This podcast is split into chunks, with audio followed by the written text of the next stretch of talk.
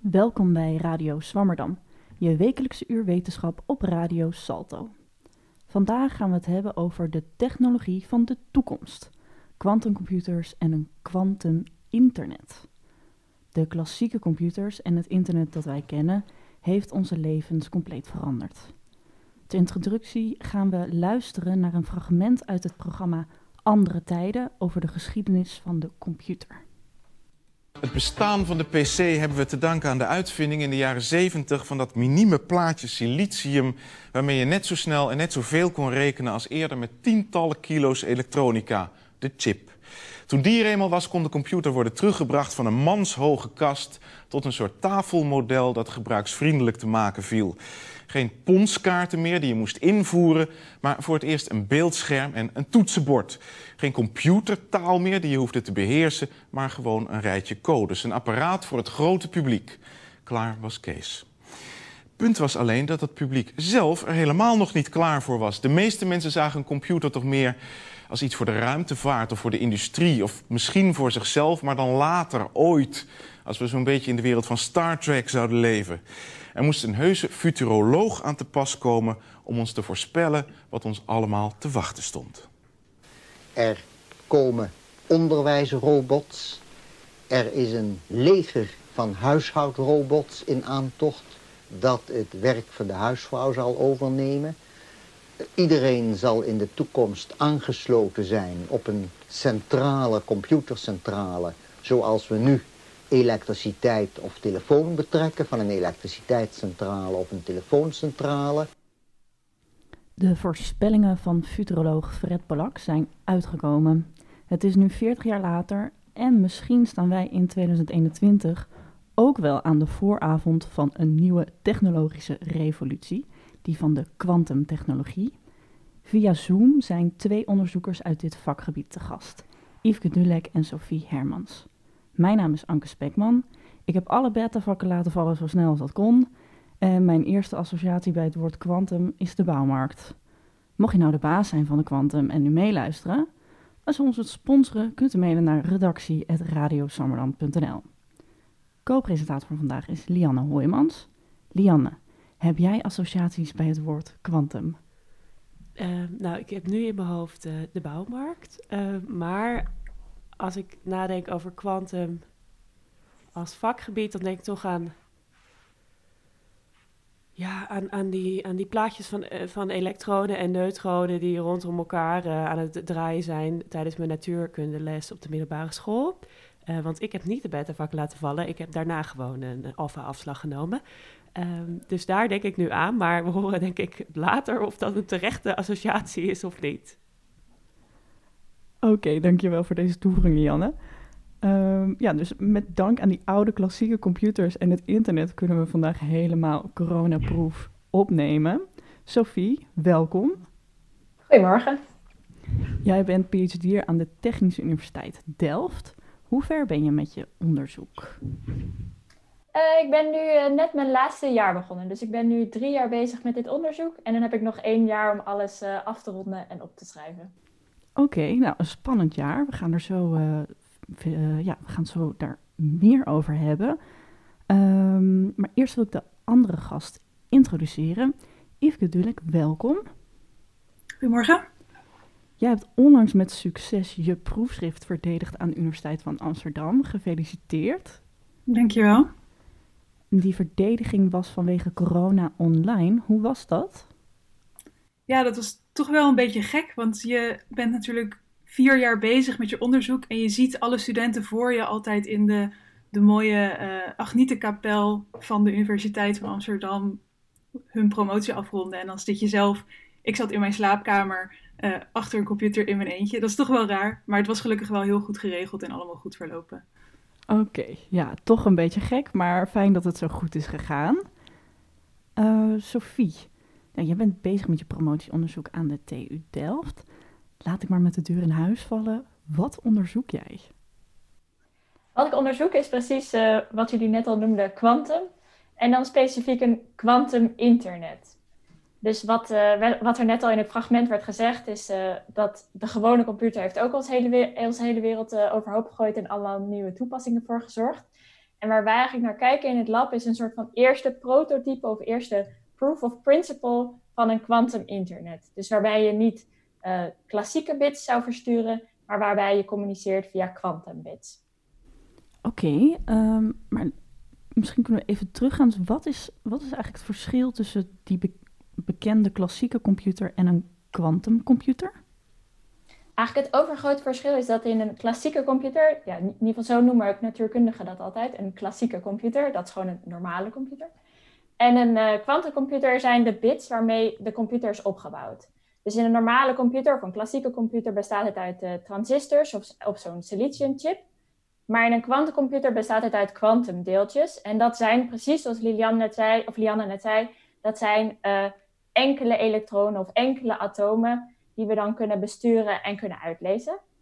En dus bijvoorbeeld in ons onderzoek hebben wij één enkel elektron dat dan ons kwantumbit is. En dat hebben we ergens gevangen. En wat nou zo speciaal is aan dat kwantumbit, waardoor het anders is dan zo'n transistor, is dat het niet de bitwaardes 0 en 1 kan hebben, maar dat het ook een superpositie van 0 en 1 kan hebben. En dat betekent eigenlijk dat het die twee bitwaarden tegelijkertijd heeft.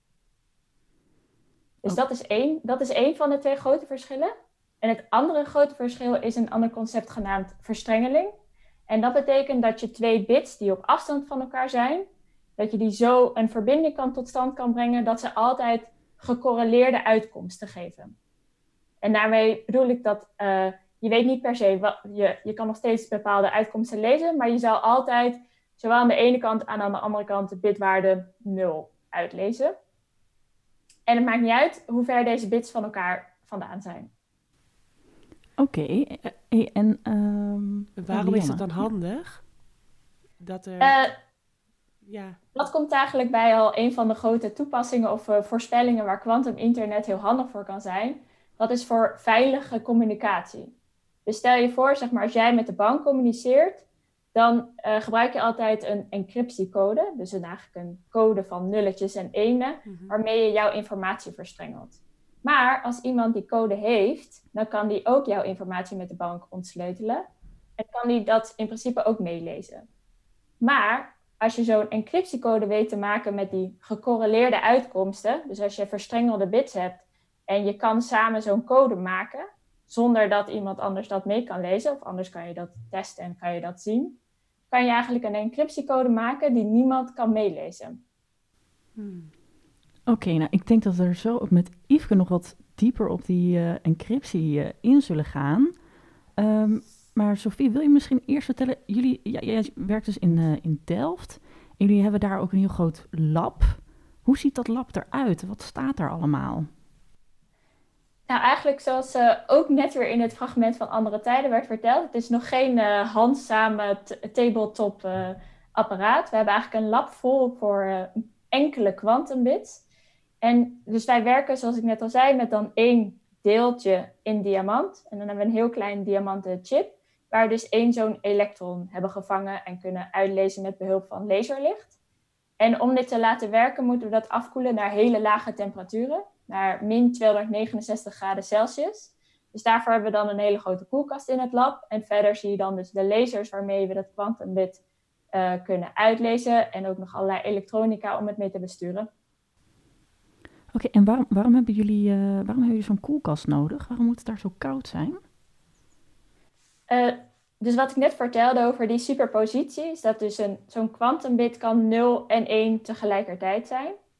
Maar als jij het gaat uitlezen, dan zal het altijd naar één van de twee waardes vervallen.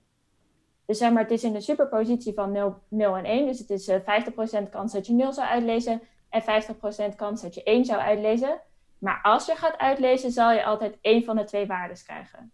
Dus herhaal je dit 100 keer, dan lees je 50 keer 0 en 50 keer 1. Uh, maar het kan ook zijn dat jouw omgeving een als het ware een soort van uitleesmoment heeft. Dus dat de omgeving jouw kwantumbit verstoort.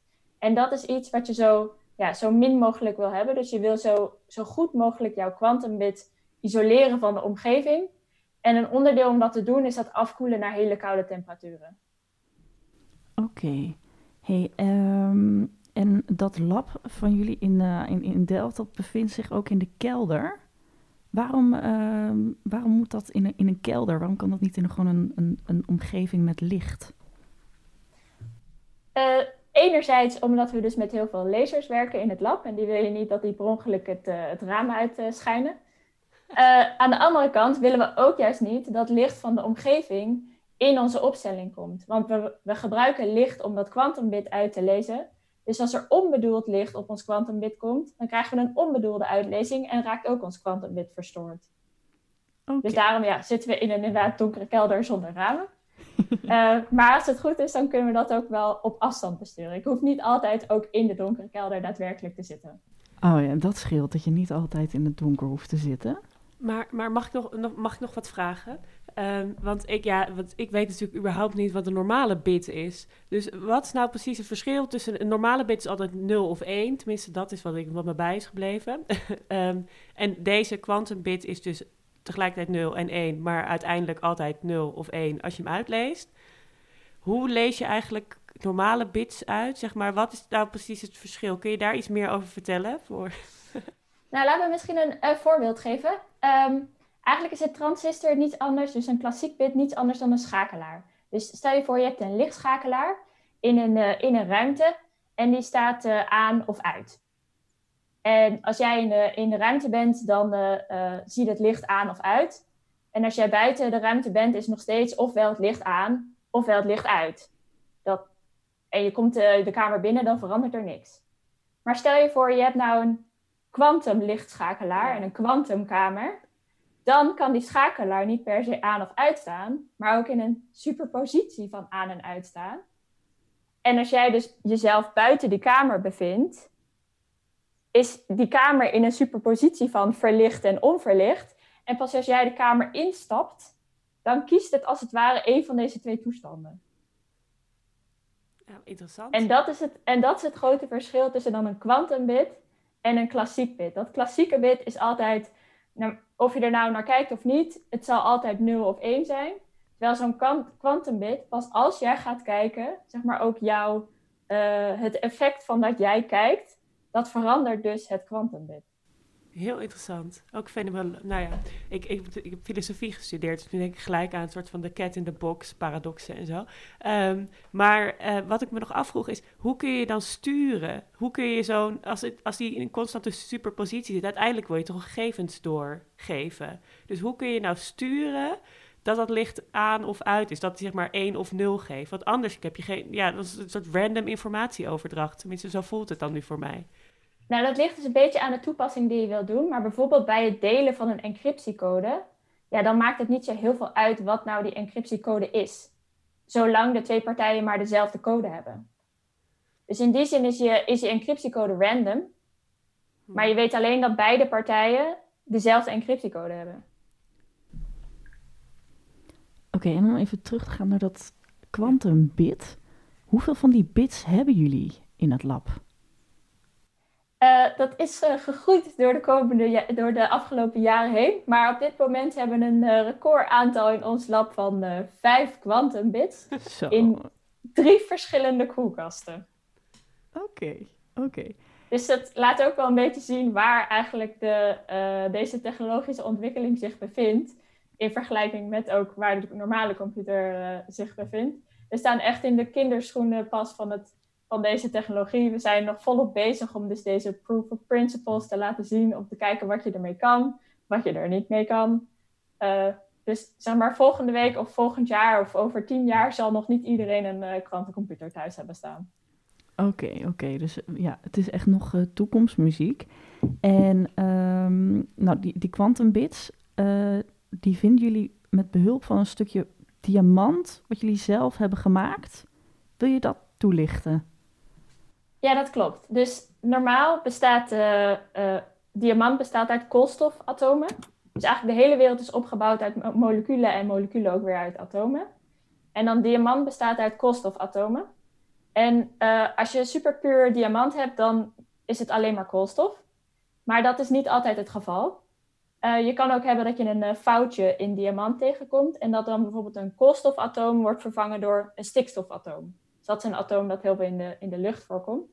En als er daarnaast dan ook toevallig precies een gat uh, of één, ja, je hebt dan een soort van kristalstructuur, als er dan ook een gat naast voorkomt, dat is precies de plek waar we één zo'n elektron kunnen vangen.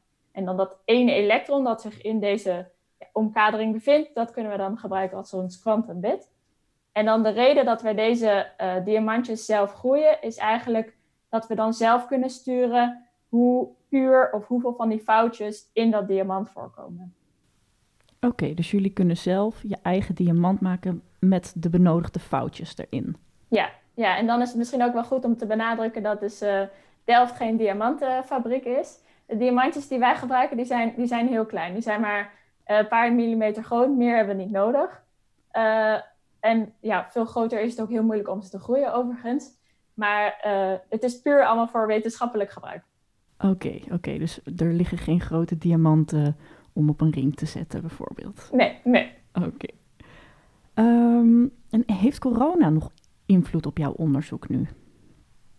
Uh, ik moet zeggen, heel, heel blij ben ik. Het valt mee. Uh, ik moet zeggen, we hebben dus um, een aantal aanpassingen gedaan al in maart om te zorgen dat we zoveel mogelijk vanuit thuis konden werken.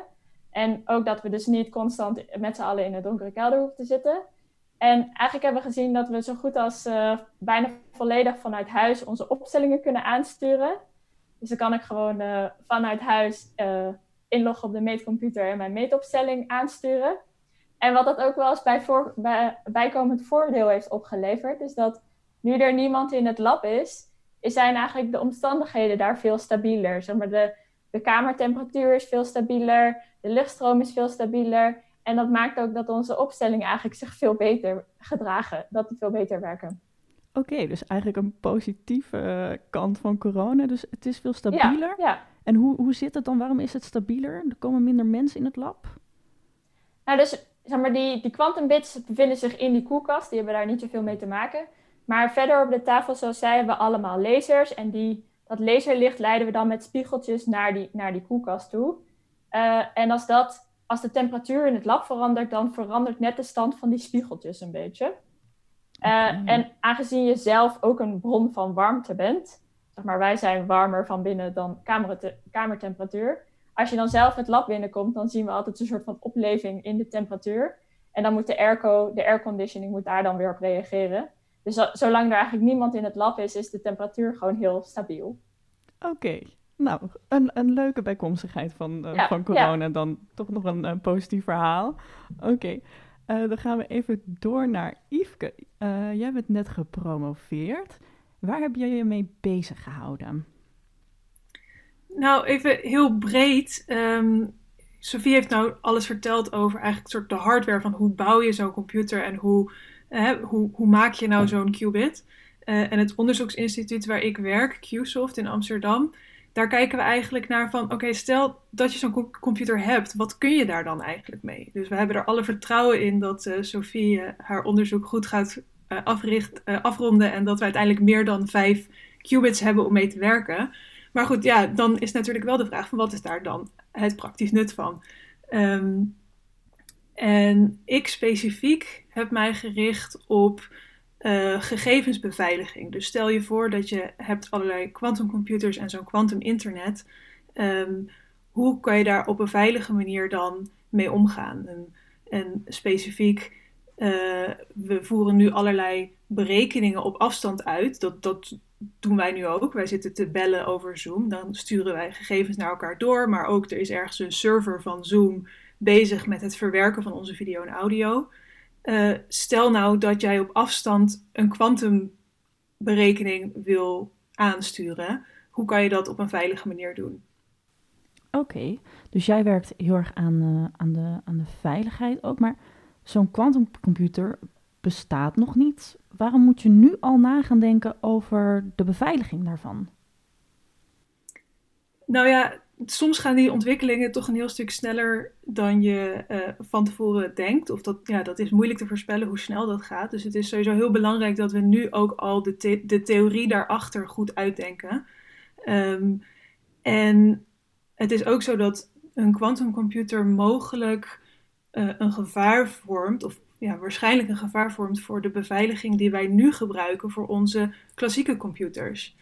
Ehm, dus op het moment dat zo'n quantumcomputer er is, dan moeten we eigenlijk klaar zijn om onze uh, huidige infrastructuur aan te passen. Uh, of eigenlijk het liefste al aangepast te hebben, zodat we door kunnen gaan met op afstand uh, veilig met elkaar communiceren en veilig berekeningen op afstand uitvoeren. Maar, maar, kun je een voorbeeld noemen van een, van een manier waarop um, de, de, huidige, huidige computers niet beveiligd genoeg zijn voor quantum bits en quantum internet? Ja, zeker. Um, quantumcomputers kunnen sommige berekeningen sneller doen. En dat is heel fijn. Daar kunnen we uh, in sommige gevallen natuurlijk heel veel aan hebben voor het goede doel. Maar dat betekent ook dat iemand die uh, kwaadwillend is in een quantumcomputer heeft, bepaalde berekeningen sneller kan doen. En heel veel van de uh, beveiliging die wij op dit moment gebruiken voor onze communicatie over het internet, die is gebaseerd op een soort aanname dat een aanvaller een bepaalde berekening niet heel snel kan doen. En met een gewone computer kunnen we dat ook niet heel snel doen. En dat is een bepaalde berekening die heeft iets te maken met uh, priemgetallen uh, vinden uit een groot getal. En dat gebruiken wij nu. En er, daar zijn nu op dit moment is dat niet praktisch om dat aan te vallen. Maar als jij een quantumcomputer zou hebben, dan zou je dat een heel stuk sneller kunnen. En dan is dus eigenlijk alle, ja, of heel veel van de communicatie die we nu gebruiken, is dan dus ja, open en bloot te lezen door iedereen. Oké, en, en kan je dan voor de beveiliging van quantumcomputers nog terugvallen op kennis die er al is over de klassieke computers en, en de beveiliging daarvan? Of moet je helemaal iets nieuws bedenken? Uh, je moet in die zin je, heel veel van de technieken, die we, van de wiskundige technieken die we, die we al kennen uit de klassieke gegevensbeveiliging, die zijn op zich toepasbaar. Maar omdat uh, quantumdata zo anders is, hè, wat zoveel uitlegde van die nullen en die ene, het kan een 0 en een 1 tegelijk zijn, zeg maar. Um, moet je eigenlijk weer helemaal vanaf het begin gaan nadenken van, oké, stel dat mijn bericht wat ik nu wil versleutelen niet een 0 of een 1 is, maar zo'n zo'n qubit, zo'n zo'n iets wat beide is. Ja, hoe, hoe doe ik dat dan? Dus eigenlijk, en dat is eigenlijk een hele simpele bouwsteen waar bovenop uh, je weer helemaal vanaf het begin eigenlijk moet gaan bouwen. Oké, okay. en zijn er in uh, Nederland nog andere mensen die zich met deze toekomstproblemen van de kwantumbeveiliging bezighouden? Uh, er is in Nederland het Quantum Software Consortium. Dat is een samenwerking tussen Amsterdam, Leiden en Delft.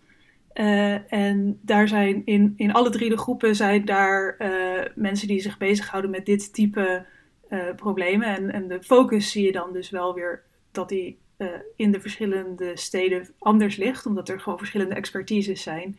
Um, dus er zijn binnen Nederland wel mensen die zich hier ook mee bezighouden. en die, die verschillende type onderzoeken vullen zich ook wel aan. maar ik zelf werk voornamelijk ook wel veel samen internationaal juist, omdat het best wel een klein vakgebied is. En eigenlijk de hele wereld zich nu bezighoudt met van, ja, wat moeten we straks als die quantumcomputers er zijn. Oké, en voor die internationale samenwerking ga je dan met mensen uit het buitenland ook in een, in een koud, donker lab zitten? Hoe, hoe ziet dat eruit? ja, nou, omdat, ik, omdat mijn onderzoek zo theoretisch is, uh, heb ik geen lab. Um, dus hoe het er voor mij normaal gesproken er altijd uitzag, in ieder geval voordat corona kwam, was dat wij uh, veel whiteboards hadden staan. Dus uh, hè, we zitten gewoon eigenlijk op een kantoor achter een computer, maar we hebben veel whiteboards en dan denken we daar samen na. En dan ging ik ook inderdaad wel eens op, zoek op bezoek bij buitenlandse collega's. En dan zaten we daar eigenlijk ook in een kantoor voor een whiteboard. maar dan aan, aan de andere kant van de wereld. En wat dat betreft is het nu met corona wel heel prettig, omdat dat eigenlijk heel makkelijk te vertalen is geweest naar uh, iedereen die thuis zit en, en met online communicatiekanalen. Het is niet helemaal hetzelfde natuurlijk, maar uh, we hebben niet problemen gehad zoals hoe stuur je je meetcomputer aan vanuit thuis. Oké, okay, maar een, uh, een digitaal whiteboard tegenwoordig. Ja. Oké. Okay. Hey, en ben je tijdens je onderzoek nog iets tegengekomen wat veel makkelijker of misschien juist veel moeilijker bleek te zijn dan van tevoren gedacht? Ja, het is moeilijk om van tevoren in te schatten hoe moeilijk een probleem gaat zijn. Zeker ook omdat ik natuurlijk nog uh, aan het promoveren was, dus ik was ook nog heel veel aan het leren.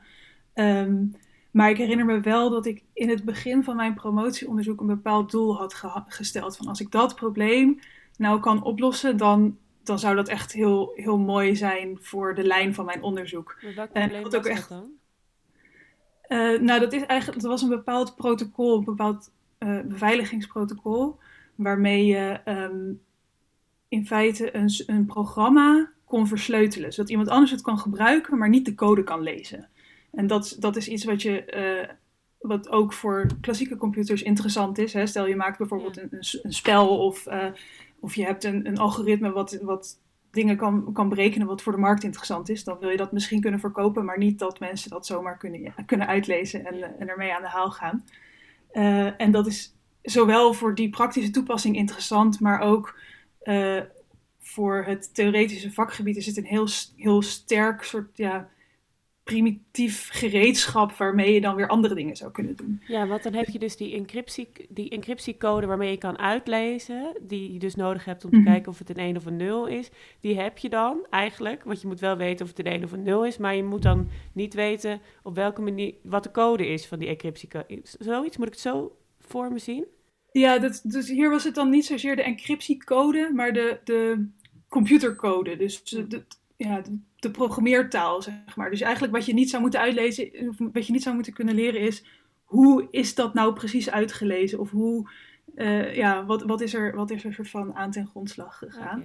Maar, oké, wat, het, wat het precieze ding is, is misschien niet eens zo heel relevant, maar wat ik, wat ik leuk vond om te zien is, ik heb dat dus al heel lang als doel gehad tijdens mijn onderzoek. En ik, ben, ik heb ook echt allerlei onderzoeken gedaan die daar naartoe leidden. En toen in de laatste nou, twee of drie maanden voordat ik echt mijn proefschrift uh, af moest ronden en inleveren, heb ik juist kunnen bewijzen dat het niet mogelijk is om zoiets te bouwen. En toen, was ik toch, toen wist ik even niet zeker of ik nou blij moest zijn, want ja, je hebt toch een bewijs gevonden en, en het was ook wel een, een interessant resultaat. Of dat ik nou teleurgesteld moest zijn dat ik zo lang naar iets toewerkte en dat dan gewoon blijkt, ja, dat, dat kan niet. Dus in die zin, het is heel moeilijk met het theoretische onderzoek om van tevoren te weten van wat wordt nou het, de uitkomst hiervan. Ja, en dat is dus- ook juist wel leuk. Dus jouw uitkomst is geweest dat je hebt kunnen bewijzen dat iets weer niet kon, dat een bepaald protocol niet kon. Klopt dat? Ja, dat klopt. Of in ieder geval, ja, dat, dat je het nooit kan doen op het, op het veiligheidsniveau dat, uh, dat je eigenlijk zou willen in dat geval. Oké. Mag ik hier iets aan toevoegen? Ja, tuurlijk. Ik denk dat dit echt een puur voorbeeld is van de wetenschap. Want namelijk, dat is het hele punt van de wetenschap. Tot aan waar wij onderzoeken is soort van al bekend. En wij willen juist dingen leren die we nog niet weten. Of we willen dingen onderzoeken, dingen uitvinden die we nog niet weten. Dus dan weet je ook niet wat de uitkomst zal zijn. En dan kan je jezelf wel als doel stellen van... oh, ik wil dit volgend jaar helemaal uitgeplozen hebben... en uh, laten zien dat dat strookt met wat ik nu denk. Maar het is juist het punt van wetenschap je weet niet wat je nog niet weet. Ja, dus deze verrassing... Ik vind dit, ik vind dit eigenlijk een heel mooi, mooi voorbeeld van hoe de wetenschap werkt. Ja, ja. Maar het levert wel problemen op voor, de, voor, de, voor het kwantuminternet. Want dit betekent dus dat, uh, dat je eigenlijk niet goed genoeg je programma's kan beveiligen. Nou, in die zin, dit, is, dit laat wel zien dat één heel specifiek protocol niet mogelijk is. Mhm. Uh, en er is nog heel veel wel mogelijk en dat heb ik ook in mijn onderzoek laten zien. Dus één ding wat bijvoorbeeld wel mogelijk is, is dat je zegt van oké, we versleutelen niet het programma, maar de invoer voor het programma. Dan moet je je voorstellen bijvoorbeeld, um, er zijn een aantal banken die samen uh, willen kijken of er misschien fraudepatronen zijn bij hun klanten. En heel veel klanten die fraude plegen. Die doen dat niet bij één bank, maar die, die sturen hun geld eigenlijk rond tussen verschillende banken, zodat het wat minder opvalt. En die banken die, die, die moeten dus gaan samenwerken om, um, om dat dan te, te kunnen detecteren. Maar die kunnen niet zomaar aan elkaar alle transactiegegevens van al hun klanten geven. Dat, dat, dat is privacygevoelig en dat mag ook gewoon niet volgens de wet.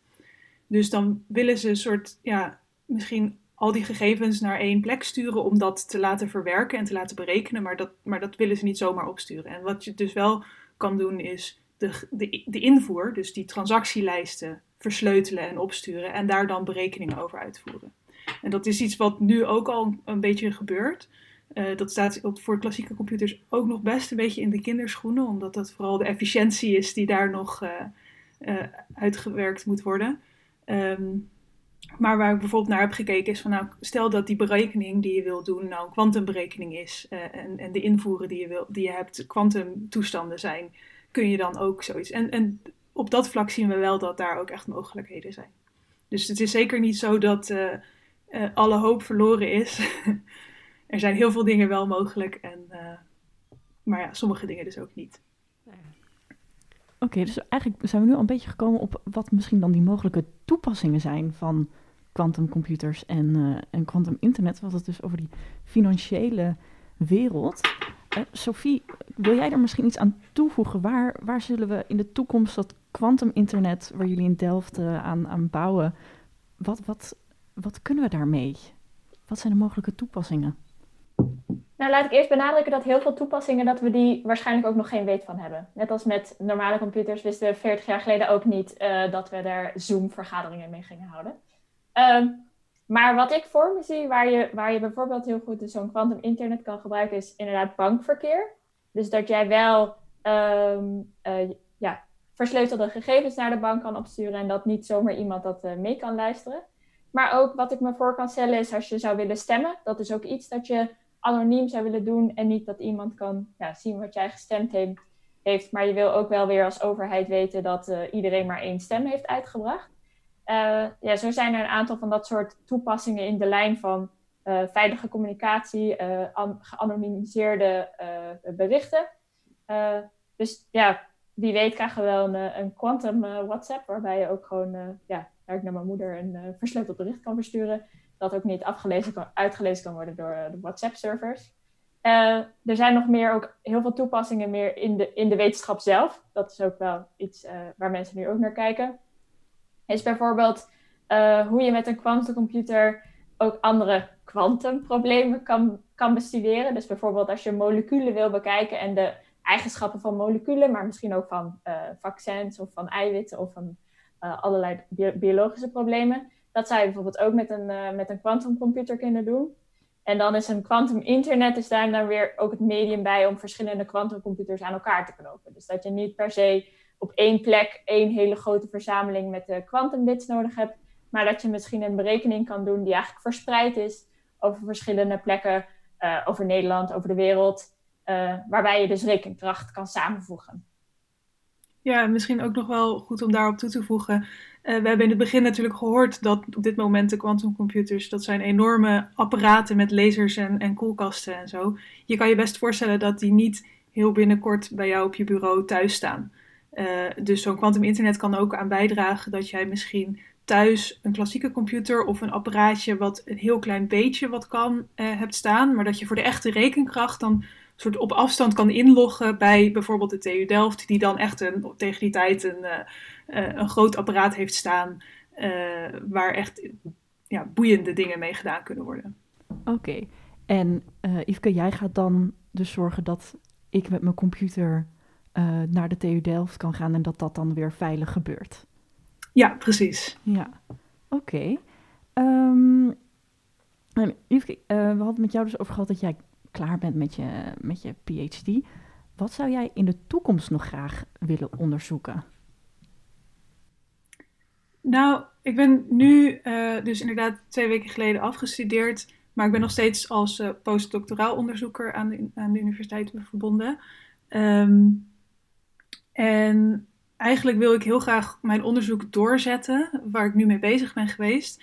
Uh, dus ik wil kijk, nog meer kijken van welke van, van dit type uh, protocollen zijn er nou uh, mogelijk. Wat kunnen, wat kunnen we nou eigenlijk allemaal veilig doen? maar wat ik wel ook zie in het onderzoek wat ik tot nu toe gedaan heb, is het staat nog best wel ver af van de praktijk. Dus niet alleen hebben we die computers nog niet, waar, we, um, ja, waar, waar we dit mee zouden doen. Maar al zouden we die hebben, dan, dan is het heel waarschijnlijk dat die niet perfect zijn. Dat daar bijvoorbeeld een beetje ruis op de lijn zit. Of uh, dat die af en toe misschien ja, iets, iets wegvalt en dat je dat dan opnieuw moet proberen of zo. En de protocollen die we nu kennen, die zijn nog niet heel goed in het omgaan met dat soort kleine foutjes. En als je het in de praktijk zou willen gebruiken, dan is dat natuurlijk wel nodig. Uh, en een ander ding, dat is wat, wat meer theoretisch niveau waar ik graag meer over wil weten, is, uh, is een soort van verificatie. Dus waar we het eerder over gehad hebben, is hè, je, je stuurt je berekening op naar een of andere partij die die dan gaat doen voor jou, jouw kwantumberekening. En dan komt daar op een gegeven moment een antwoord uit te rollen. Maar hoe weet je dan eigenlijk zeker dat dat antwoord ook echt klopt? Uh, en stel je vertrouwt die andere partij niet. Uh, weet je is, is er dan misschien iets wat je kan doen, wat tests die je kan uitvoeren of wat extra vragen die je kan stellen, waarmee je echt zeker kan weten, ook al heb ik zelf geen kwantumcomputer, de uitkomst van deze kwantumberekening die klopt. En die is waar ik om gevraagd heb. En uh, daar ben ik tijdens mijn promotieonderzoek ook al mee bezig geweest, maar daar zou ik graag ook nog wat, wat meer in willen verdiepen. Oké, oké. Um, hey, um, en uh, Sophie, wij hadden het er eerder over, ook toen we het hadden over de, de toekomst van die quantumcomputers, dat er um, nou wel een quantum Excel kan bestaan, want daar kan je berekeningen mee doen, maar waarschijnlijk geen quantum PowerPoint. Waarom is dat? Uh, dat is eigenlijk ook deels van wat, wat Yveske nu aangeeft.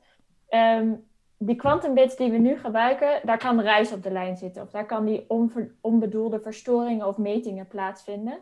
En er is wel, zeg maar, de hardware wordt natuurlijk wordt steeds beter. Daar ja, worden steeds stappen in gemaakt van hoe kunnen we dat verbeteren. Maar er is wel een soort van, dit is een intrinsiek probleem van de quantumbits. Je zal nooit uh, foutloze uh, kunnen maken. En wat je daarvoor eigenlijk moet doen, is uh, een bepaald soort structuur opzetten om jouw informatie niet in één quantumbit op te slaan, maar het soort van verspreid over meerdere quantumbits op te slaan. Dit is misschien een beetje uh, te, te, diepgaand voor dit, dit uur. Maar wat het, wat het in principe aantoont is dat, je, uh, is dat die quantumbits zijn gewoon heel fragiel. En we moeten ze op lage temperatuur bewaren, want anders raken ze verstoord. We moeten ze in het donker bewaren, anders raken ze verstoord. Uh, en als jij dus iets voor hele lange tijd op wil slaan, dan is de kans dat het ooit verstoord is geraakt heel groot. Dus als jij een berekening wil doen, dan hoef je het niet heel lang te bewaren. Het is alleen maar zodat jij aan het einde de uitkomst kan lezen. Maar uh, als je een PowerPoint-presentatie hebt gemaakt, dan wil je niet dat die de volgende dag niet meer leesbaar is. Dus het gaat er eigenlijk om hoe lang je zo'n quantum bit kan bewaren. Om daar ook een beetje de tijdschalen op aan te geven. Uh, in ons lab kunnen wij ongeveer één seconde ons quantumbit bewaren in de toestand die wij willen. Uh, dat klinkt dus inderdaad voor als je voor lange termijn een soort van memory stick of een USB-stick wil bouwen, niet heel praktisch. Maar bijvoorbeeld voor zo'n berekening maakt dat wel minder uit, omdat we heel snel die berekeningen kunnen doen. Oké, okay, ja, dus die, die, die quantumbits die zijn er nu nog maar voor één seconde. Maar ook voor in de toekomst is het niet erg waarschijnlijk dat je echt uh, data kan verzamelen, dat je die lang kan bewaren. Dat, dat, lijkt mij in ieder geval niet. Dus ook uh, waar we het net over hadden van, goh, uh, hoe ziet het er dan thuis uit bij jou? Heb je een kwantumcomputer thuis? Ik denk eerlijk gezegd dat nooit een kwantumcomputer de klassieke computer helemaal van tafel zou vegen. Ik denk altijd dat het een soort van samenwerking van de, van de twee dingen wordt. Waarbij je bijvoorbeeld je kwantumcomputer voor de ene toepassing gebruikt en je klassieke computer uh, voor de andere toepassing. Je hebt, je hebt maar geen kwantumcomputer nodig om een Word-file op te slaan of een PowerPoint-presentatie op te slaan. Ja, dus het zal altijd naast elkaar bestaan, die klassieke computers en die quantumcomputers. Ja, dat denk ik wel, ja. Ja, ik ben ja, dus gelijk benieuwd of vroeger dan de transistor, of die ook zo'n korte levensduur had. Als vroeger tra transistoren heel erg, transistoren, ik weet of dat dan heel instabiel was. Dat, dat, dat ze ook maar heel kort een eentje of een nulletje en daarna uit elkaar vielen of zo. Uh, weet je zo? Eigenlijk, eigenlijk wel. Want als jij bijvoorbeeld heel lang uh, een harddisk uh, tientallen jaren in je bureau laat bewaard, of een, ja, dan gaat ook de kwaliteit achteruit. Maar wat je met een, met een normaal bit kan doen, is dat eigenlijk gewoon kopiëren en op heel veel plekken nog een keer opslaan. Oh. Een soort van, ja, je maakt gewoon reservekopieën. Maar dat is precies het idee van zo'n quantumbit je wil niet dat die, iemand anders het kan aflezen, dat iemand anders het kan zien. En dat is ook het fundamentele waarom dat niet mogelijk is. Ja. Je kan namelijk geen kopieën maken. Dus je, dat maakt het al wel, je ziet dan al wel heel snel waarom dit moeilijk is. Ja, zeker. Dus het zit eigenlijk allemaal in dat dingetje. In, ja. die, in die bit. Ja. ja. Oké, nou, uh, Sophie houdt zich dus meer bezig met, met de hardware en de ontwikkeling van het kwantuminternet. En Yveske met de cryptologie, met de beveiliging. Um, en die kwantumcomputers en het kwantuminternet is wat voor ons nu nog wel in de toekomst ligt. Maar uh, hebben jullie subgebieden nu al iets aan elkaar? Yveske, kan jij veel, uh, heb, heb jij nu al iets aan wat ze in Delft doen? Nou, in die zin, um, ik kan nog niet mijn uh, ontworpen algoritmes testen op hun computers, want die hebben echt nog een heel, heel stuk meer dan 5 uh, qubits nodig. Maar wij volgen wel de ontwikkelingen op hardwaregebied met veel interesse, omdat we wel zien dat sommige uh, berekeningsstappen uh, heel makkelijk zijn en andere juist heel moeilijk zijn. Dus bijvoorbeeld als je dan hoort van hè, een, een qubit lang bewaren is heel moeilijk, maar er eventjes een, een, een simpele berekeningsstap op doen is weer makkelijker. En, en met die informatie kunnen wij wel kijken van oké, kunnen wij dan onze algoritmes zo ontwerpen dat we zoveel mogelijk van de soort van makkelijke stappen uh, erin stoppen. Dus dan misschien dat je dan in plaats van uh, het, het, bewaren, dat je, daar, dat je er dan een aantal keer een berekening op doet, zodat die soort van wat stabieler kan blijven. Uh, en, en, en, sommige type berekeningen zijn, zijn moeilijk te doen voor de hardware en sommige weer makkelijk. En dan kan je misschien kijken van kunnen we dan zoveel mogelijk de makkelijke dingen erin stoppen om toch hetzelfde doel te bereiken. En dat is dan weer een heel, ja, een heel erg softwarematig denken van mij uit, maar wel gebaseerd dan ook weer op van wat is nou eigenlijk makkelijk en moeilijk om, in het, om fysiek te bouwen. Dus in die zin hebben we er nu wat aan, meer, voor, meer om te kijken van wat kunnen wij doen zodat het zo snel mogelijk in het echt uh, ook gebouwd kan worden. Maar het werkt, ook, het werkt ook wel de andere kant op. Dat zeg maar, als je vanuit theoretische uh, voorstellen wordt er ook soort aan ons verteld van wat er nodig is voor dus zo'n eerste berekening. En dan kunnen wij ook ons op focussen van, goh, kunnen wij dan verbeteringen doen uh, in die hoek van onze quantum hardware. En niet, dat we ons niet bezighouden met verbeteringen die niet per se al deze uh, uh, ja, eerstkomende protocollen die helemaal niet nodig hebben. Zeg maar, het is altijd handig als meerdere disciplines op dit gebied al, nu al met elkaar praten, omdat je dan gewoon meer al de twee, de, twee dingen op elkaar kunt afstemmen. Oké, maar heb jij verder nu met je, jij werkt echt aan de hardwarekant, heb jij, Sophie, nu al iets aan die software ook? Ben je daar ook mee bezig of is dat toch nog wel gescheiden? Uh, nou, er zijn heel veel gebieden van uh, theorie en, en software, dus ik denk uh, op het niveau waar Yveske nu werkt, nog niet direct, want dat is echt wel heel high level, heel abstract en heel erg op applicatie. Maar bijvoorbeeld, er zitten wel heel veel stappen al nog tussen. Dus je hebt bijvoorbeeld, wij hebben echt de hardware, maar bijvoorbeeld een eerst besturingssysteem. Dat zijn wel ook dingen waar we ook al in Delft naar kijken. Van goh, um, dus bijvoorbeeld bij een normale computer hoef je ook, hoef je ook niet per transistor te programmeren wat hij wat nu doet. Heb je ook een soort van computertaal. Mm-hmm. En die computertaal, uh, die zijn we nu ook aan het ontwikkelen. Zodat dan bijvoorbeeld, als we verder gevorderd zijn in dit stadium van dit onderzoek, Yveske veel makkelijker op onze kwantumcomputers haar protocol kan programmeren en kan uitvoeren. Ja, en daarvoor dus is dan ook... wordt er zeg maar van twee kanten naar elkaar toegewerkt. Ja. En het is voor jullie dan ook weer belangrijk om te weten hoe moet zo'n besturingssysteem eruit zien, zodat wij er ook wat aan hebben. Dus in die zin ja. gaat de dialoog eigenlijk twee kanten op. Oké, okay, en we hadden het al even dus over een computertaal. Moet er een hele nieuwe computertaal komen voor de quantumcomputer? Dat ziet er wel zo uit, ja. Uh, en dat, dat is weer precies om de reden dat uh, het bouwsteentje, de bits en de qubits gewoon verschillend zijn. Dus uh, in, een, in een gewone computer dan begint het eigenlijk met de bouwsteen van hè, een 0. Nou, misschien wil je die kunnen flippen van een 0 naar een 1 of juist van een 1 naar 0. Of je wil uh, dus bij elkaar op kunnen tellen of zoiets. En een quantumcomputer zijn die basisoperaties zijn gewoon anders. Er zijn gewoon, ja, ook, deels ook lijken ze erop, maar er zijn ook gewoon echt dingen die, die daar helemaal anders zijn. En dan, dat is de bouwsteen waar je begint met bouwen. En dan maak je daar weer een iets ingewikkelder substapje van. Uh, maar ja, je, je, als de basis anders is, dan, dan moet je bijna opnieuw beginnen. En dat is dus ook waarom we met die uh, cryptografie ook eigenlijk vanaf het begin weer moeten beginnen. Ja, oké, okay, er moet dus echt weer iets nieuws gebouwd worden. Voor en de zijn er dan ook al mensen bezig met die taal? Uh. Ja, ja. Ja, dus je hebt uh, bijvoorbeeld in Delft uh, willen we ook komend jaar kijken of we dan voor het eerst in meer abstractere taal ook een, onze opstellingen kunnen aansturen. Dus nu hebben we specifiek, hebben wij zelf software gemaakt om onze meetopstelling aan te sturen.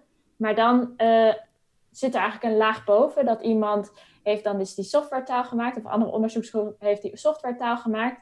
En die moet dan sowieso zowel met onze quantum bits in diamantjes kunnen werken, als bijvoorbeeld andere soorten quantum bits. Uh, en daarmee willen we een soort van laten zien dat, dat je dan, uh, ja, wij noemen dat dan hardware agnostic. Dus zeg maar dat, alsof je computertaal niet meer weet of je op een uh, Windows computer of op een MacBook of op een HP of een Chromebook werkt. dat je eigenlijk met verschillende soorten hardware nog steeds dezelfde softwaretaal hebt. Ah ja. Oké. Hey, en um, um, van die grote bedrijven die ik associeer met uh, computers als Microsoft en Google, zijn die ook al actief uh, in de, in de quantumcomputers, Sophie? Ja, ja, zeker weten. Eigenlijk is, uh, heeft elk groot software- of computerbedrijf heeft een eigen onderzoeksgroep of is verbonden aan een universiteit om ook te kijken of zij quantum chips kunnen maken. Dus bijvoorbeeld een goed voorbeeld is Google. Die gebruiken uh, quantum bits op basis van supergeleidende materialen.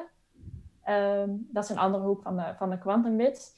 En die hebben bijvoorbeeld vorig jaar al een experiment laten zien waarbij ze 53 quantum bits hadden. Oh. En waarmee ze ook voor het eerst een berekening konden doen die op een normale computer waar je daar 10.000 jaar over zou doen.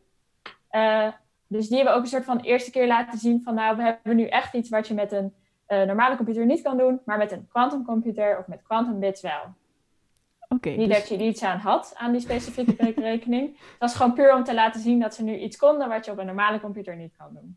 Okay. Ja, en dat is dan eigenlijk weer de bevestiging van uh, de onderzoeken op het theoretische vlak. Want dat is dus die berekening die zij, die zij daar uitvoerden, die was dan eerder al bedacht van oké, okay, in theorie zou dit sneller moeten gaan op een quantumcomputer dan op een gewone computer. Maar dan, om dat dus ook echt in de praktijk te laten zien, is dan weer echt toch weer de volgende stap. Oké, hey, en uh, Sophie, jij werkt in, een, in een lab. En wat voor karaktereigenschappen heb je nodig om jouw onderzoek te kunnen doen? Moet je veel samenwerken? Uh, nou, dat is allereerst goed om te benadrukken. Uh, nu lijkt het net alsof wij hier met z'n tweeën zitten en vertellen over ons onderzoek. Uh, dat is niet het geval. Dus in mijn lab werken we echt in een team aan zo'n uh, opstelling. Dit zijn niet uh, zomaar dingen die je allemaal in je eentje kan opbouwen. Dus bijvoorbeeld specifiek op mijn experiment werken we met een team van, ehm, het wisselt een beetje in samenstelling, maar rond de vier, vijf personen aan één zo'n, echt zo'n experiment, aan één zo'n opstelling. Dus ik denk dat dat een hele belangrijke karaktereigenschap is, is dat je echt ja, goed kan samenwerken, goed kan communiceren binnen je team. Maar ik denk ook goed kan communiceren naar mensen buiten je team. Dus bijvoorbeeld naar uh, theoretische onderzoekers die toch een ander soort uh, ja, taal spreken. Ook al spreken we allemaal dezelfde taal. Uh, toch meer, wij, wij denken altijd na over, oké, hoe moet dat dan in het lab? Hoe gaan we dat dan in het lab bouwen? Terwijl Yveske denkt van, oh oké, hoe kan ik dit dan bewijzen dat dit werkt? op die manier. Dus dat, dat is ook wel heel belangrijk, dat je zeg maar echt goed kan communiceren en kan inleven in de ander. En verder denk ik dat de belangrijkste, eigenlijk een van de belangrijkste eigenschappen ook is dat je doorzettingsvermogen hebt. Want uh, als het even niet mee zit en dingen vallen toch anders uit dan je denkt, of je bent iets aan het onderzoeken en het blijkt dus toch dat jou, uh, ja, wat Yveske net zei, dat iets niet mogelijk is terwijl je had gedacht dat het wel mogelijk was, dan moet je daar toch wel uh, doorzettingsvermogen voor hebben om te bedenken, oké, nu hebben we dit, maar wat kan ik dan wel en hoe kan ik dan weer verder? Oké, okay. en Yveske, is dat voor jou ook herkenbaar? Wat voor dingen heb jij nodig om je onderzoek te kunnen uitvoeren? Ik, denk dat veel van de, veel van de eigenschappen die Sophie noemt ook wel uh, zeker wel relevant zijn voor het uh, theoretische onderzoek. Dus uh, dat samenwerken is, is natuurlijk een enorme belangrijke, want uiteindelijk leggen wij een heleboel kleine puzzelstukjes die dan uiteindelijk gezamenlijk het grote plaatje moeten maken. Um, maar het theoretische onderzoek heeft nog heeft nog één ding wat een beetje anders is. Omdat we wat minder uh, gelimiteerd zijn door wat kan er nou eigenlijk in de praktijk. Hebben we nog iets meer dat we soort kunnen dromen. En, en ook misschien soms af en toe onze doelen een beetje kunnen bijstellen. Dus misschien de eigenschap die je daarvoor uh, zou, zou willen hebben, is dat je overal een beetje een puzzeltje in kan zien en een uitdaging in kan zien. En een beetje kan denken van oké, hoe kan ik hier nou een, een, leuk, een leuk behapbaar probleem uh, uit, uit maken en die dan zelf oplossen. Puzzelen en dromen dus. Uh, nou, dan zijn we nu aan het eind gekomen van deze uitzending van Radio Swammerdam over kwantumtechnologie. Te gast als Yveske Dulek, bedankt. En Sophie Hermans, ook jij bedankt. We namen deze uitzending van Radio Swammerdam op bij co-presentator Lianne thuis. En zij deed ook de techniek. Lianne, dankjewel voor je hulp en voor je gastvrijheid. Geen dank, ik vond het weer heel interessant. Mooi. Nou, reageren kan op deze uitzending door een e-mail te sturen naar redactie.radioswammerdam.nl of maak gebruik van de technologie waar ze in de jaren 90 nog niet van konden dromen, sociale media. Je kan ons volgen op Facebook, Instagram en Twitter. Volgende week zijn we weer, weer tussen 11 en 12 op Radio Salto. In de tussentijd kan je ook de uitzendingen terugluisteren op SoundCloud. Dit was Radio Swammerdam. Bedankt voor het luisteren en nog een hele prettige zondag.